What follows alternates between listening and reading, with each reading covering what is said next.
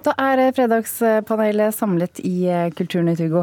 Og det er litt av en gjeng. Vi kan begynne i Bodø. Anki Gerhardsen, journalist og kritiker, god morgen. God morgen. Jeg skulle nevne hvor du skriver, men det er så mange steder. Hvor er det folk leser deg, først og fremst? Ja, Det kommer vel an på hvem du spør, men kanskje Aftenposten. Så skriver jeg for Nordlys og for diverse andre også. Mm. Og sitter i vårt studio i Bodø. Karianne mm. Bjellås Gilje, dekan ved Kunsthøgskolen i Oslo, og ny i Fredagspanelsammenheng. Ja, hyggelig å være med.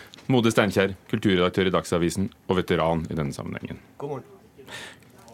En filmsnutt av arbeiderpartipolitiker Trond Giske på et utested i Oslo har skapt storm den siste uken. Og denne stormen begynte da Verdensgang forrige torsdag fortalte at en tillitsvalgt i Fagforbundet hadde sendt en bekymringsmelding til Arbeiderpartiet etter å ha sett videoen der Giske og en kvinne danser. De to kvinnene som var involvert, mener de er blitt brukt i et politisk spill, det har de selv fortalt. Er det skandalejournalistikken og ikke kvinnene som har fått en ny vår med metoo, som Klassekampen skriver på lederplass denne uken. Anki? Nei, men nå må vi passe oss. Karianne Bjellas Gilje? Nei. Og Mode Steinkjer? Nei. Det er ikke det, altså. Men når de skriver dette her, Anki Gerhardsen, eh, kan du forstå noe av tankegangen bak? Ja, det kan jeg. Eh, men jeg ville ikke brukt det ordet, ikke skandalejournalistikk. Det er gjort veldig mye bra og, veldig, og, mye veldig veldig viktig, men det har ikke vært et tydelig nok skille mellom journalistikken og kampanjen. og Det tror jeg er grunnen til den kritikken mot presten som jeg selv også har bedrevet. Da, det må jeg jo si. Og jeg mener at Kildekritikken har hatt for svake vilkår under metoo, og med denne dansevideoen som et sånn særlig tydelig eksempel. Og det virker ikke som om pressens aktører er nevneverdig bekymra for hva de har å si, både for tilliten til pressen og for bevegelsens legitimitet og troverdighet. Pressens aktører, ja der har vi jo, har vi jo deg, Mode Steinkjer. Du er jo den eneste redaktøren i dag. Hvilke tanker gjør du deg rundt eh, journalistikken som er blitt lagd, rundt metoo, varslingssaker og også da norsk politikk? Altså, jeg tror man må se at uh, metoo har vært veldig viktig. Hele, hele, den bevegelsen, alt det som er blitt avdekka. Og veldig, veldig, mye godt har kommet ut av den. Uh, for å si det sånn, både, både, både internasjonalt og, og, også her i Norge. Giske-saken helt fra begynnelsen er jo et bevis på det. Um, samtidig så ser jeg jo at uh, Giske-saken er veldig spesiell. jeg tror det er lett å ta en som er såpass profilert Eh, så i vinden og så utsatt i en posisjon som han var, eh, da tror jeg nok at det skal ikke så veldig mye til med så tynnslitt tillit. Eh, og, og da rett og slett legge ut en video. Pressen hopper på med en gang. Eh, VG har også da gått ut og beklaga etterpå at de var litt premature i måten de dekka det på. Eh, jeg tror det er en kostnad her, eh, men det er pressens oppgave å peke på sånne ting som kan være kritikkverdige. Og det er helt klart at akkurat i Giske-saken så var det riktig å gå inn i denne saken. Spørsmålet er om det var riktig måte å gjøre det på. Ja, nei, jeg vil jo også si altså Betydningen av metoo for kvinner og likestilling den rokkes jo sant, ikke av disse tilfellene av dårlig dømmekraft den siste uka. For det er jo opplagt, syns jeg i hvert fall, at både Giske og eh, VG har eh, vist dårlig dømmekraft. Giske var stille opp på disse videoselfiesene når han har så lite å gå på, sant, som Mode sier her.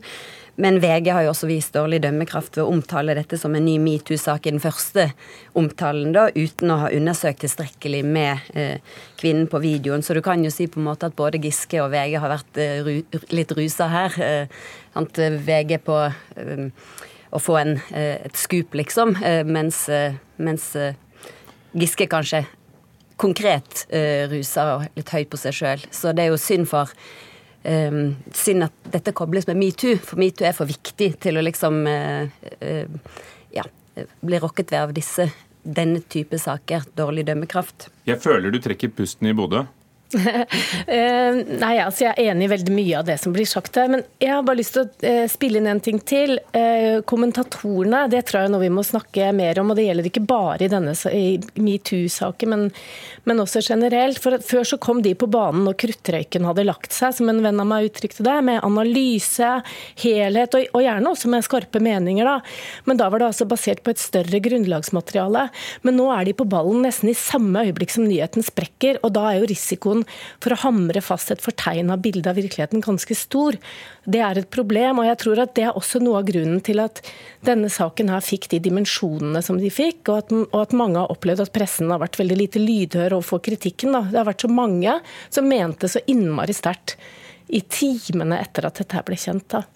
Men nå er jo kommentarjournalistikken også en måte å, å vurdere og eh, sånne saker. Og sånn som mediebildet er nå, så bør man også vurdere og analysere fortløpende. Så jeg tenker at det er bra at kommentarene kommer inn, kommentatorene kommer inn og, og prøver å balansere et bilde av dette her. Men jeg tror også det er viktig å, å se at Giske-saken står for seg selv, og den er helt unik. Eh, Metoo-bevegelsen og alle metoo-sakene må vi også da se i en helt annen sammenheng. Og det å da si at det å bedrive journalistikk på metoo er det samme som dyneløfting, det blir, eh, eller skandalejournalistikk, det, det blir eh, helt feil. fordi at vi må gå inn i de sakene og avdekke det som er kritikkverdig innenfor alt som har med metoo å gjøre, uten at det nødvendigvis skal bli kalt skandalejournalistikk. Og det, det, det, vil også sette de som da faktisk tør å varsle, i et veldig dårlig lys, og bare si at det er skandaler.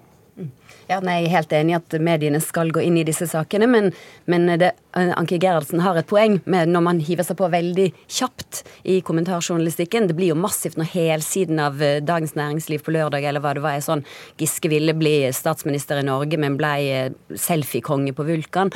Altså liksom basert på en kommentar av eh, politisk redaktør Kjetil Alstheim. Og mange av den type saker og helsider på på dette eh, blir jo massivt. Eh, og og kanskje liksom kontraproduktivt. da. Men Var det riktig å, å publisere videoen? Det tok jo en stund, og så kom VG og NRK og andre på banen og la den ut? Ja, eh, når den først Altså, når omstendighetene rundt var kjent, altså at dette var bevis på dårlig dømmekraft fra Giske, så kan man godt legge den ut, men ikke som at kvinnene hadde varsla, for det var jo ikke de som hadde det. Dere, vi går videre. Kulturrådet ber folkebibliotekene, hørte vi denne uken i Kulturnytt, makulere to diktsamlinger fra Gyldendal Forlag. Bøkene ble skrevet av en forfatter som eh, tidligere i måneden ble anklaget for plagiat. Dette er sjelden kost, eh, medier eh, Arne Vestby i Kulturrådet? Det er veldig sjelden, og kanskje aldri, at man fra Kulturrådets side har bedt om at man går ut og makulerer bøkene. Og i Kulturnytt i dag tidlig sa Forfatterforeningens leder at det foregår en heksejakt på den unge forfatteren. Er det riktig å utslette, eller i hvert fall be om det, et forfatterskap på denne måten, Mode Steinkjer? Nei, det er det selvsagt ikke. Karianne Bjelås Gilje? Ja. Anki Gerhardsen? Nei. Ja, jeg kan begrunne det. Altså, selvfølgelig ordene makulere og sensur gjør jo at denne saken her får dimensjoner som den egentlig ikke fortjener. Altså her er det en ung forfatter som rett og slett har driti på draget, som har, eh, som har plagiert. Og både forfatteren og forlaget Gyldendal ønsker at denne boka skal trekkes fra markedet. Og, eh, og jeg tenker at det er liksom selve ordet makulering som skaper problemer her, og assosiasjoner til dimensjoner som denne saken ikke fortjener. Fordi at de sier jo også at de vil utgi de eh, diktene som ikke er direkte kopi av andre forfattere i en ny bok. Så, det, så jeg tenker at, at her, eh, her, er det helt OK at både forfatter, forlag og Kulturrådet ber om at disse bøkene ikke er i det omløpet mer, og så kommer det en, en, en ny, bok. Ja. Anki Gerhardsen? Eh, jeg syns det er riktig å ta de ut av hyllene på bibliotekene og heller la de være tilgjengelige for publikum på en, på en annen måte. Men jeg er enig med biblioteksjefen på Deichman som sier at dette har skjedd. Dette er en del av vår nasjonale hukommelse nå. Vi skal kunne studere dette tilfellet av plagiat i norsk skjønnlitteratur. Men jeg er enig i at det skal skje i en kontekst der leseren er klar over at det er en plagiatproblematikk inne da. Og så syns jeg det er flott at forlaget At Gundersen nå får, en, får gi ut på nytt igjen eh, i en rydda versjon. Hun må ikke forsvinne med dette. Mennesker gjør feil, og man må gi dem en ny sjanse. Jeg er helt enig med, med Anki. Jeg tenker at uh, de har... Ha en bakdisk da, på biblioteket. Du må vite hva du ber om.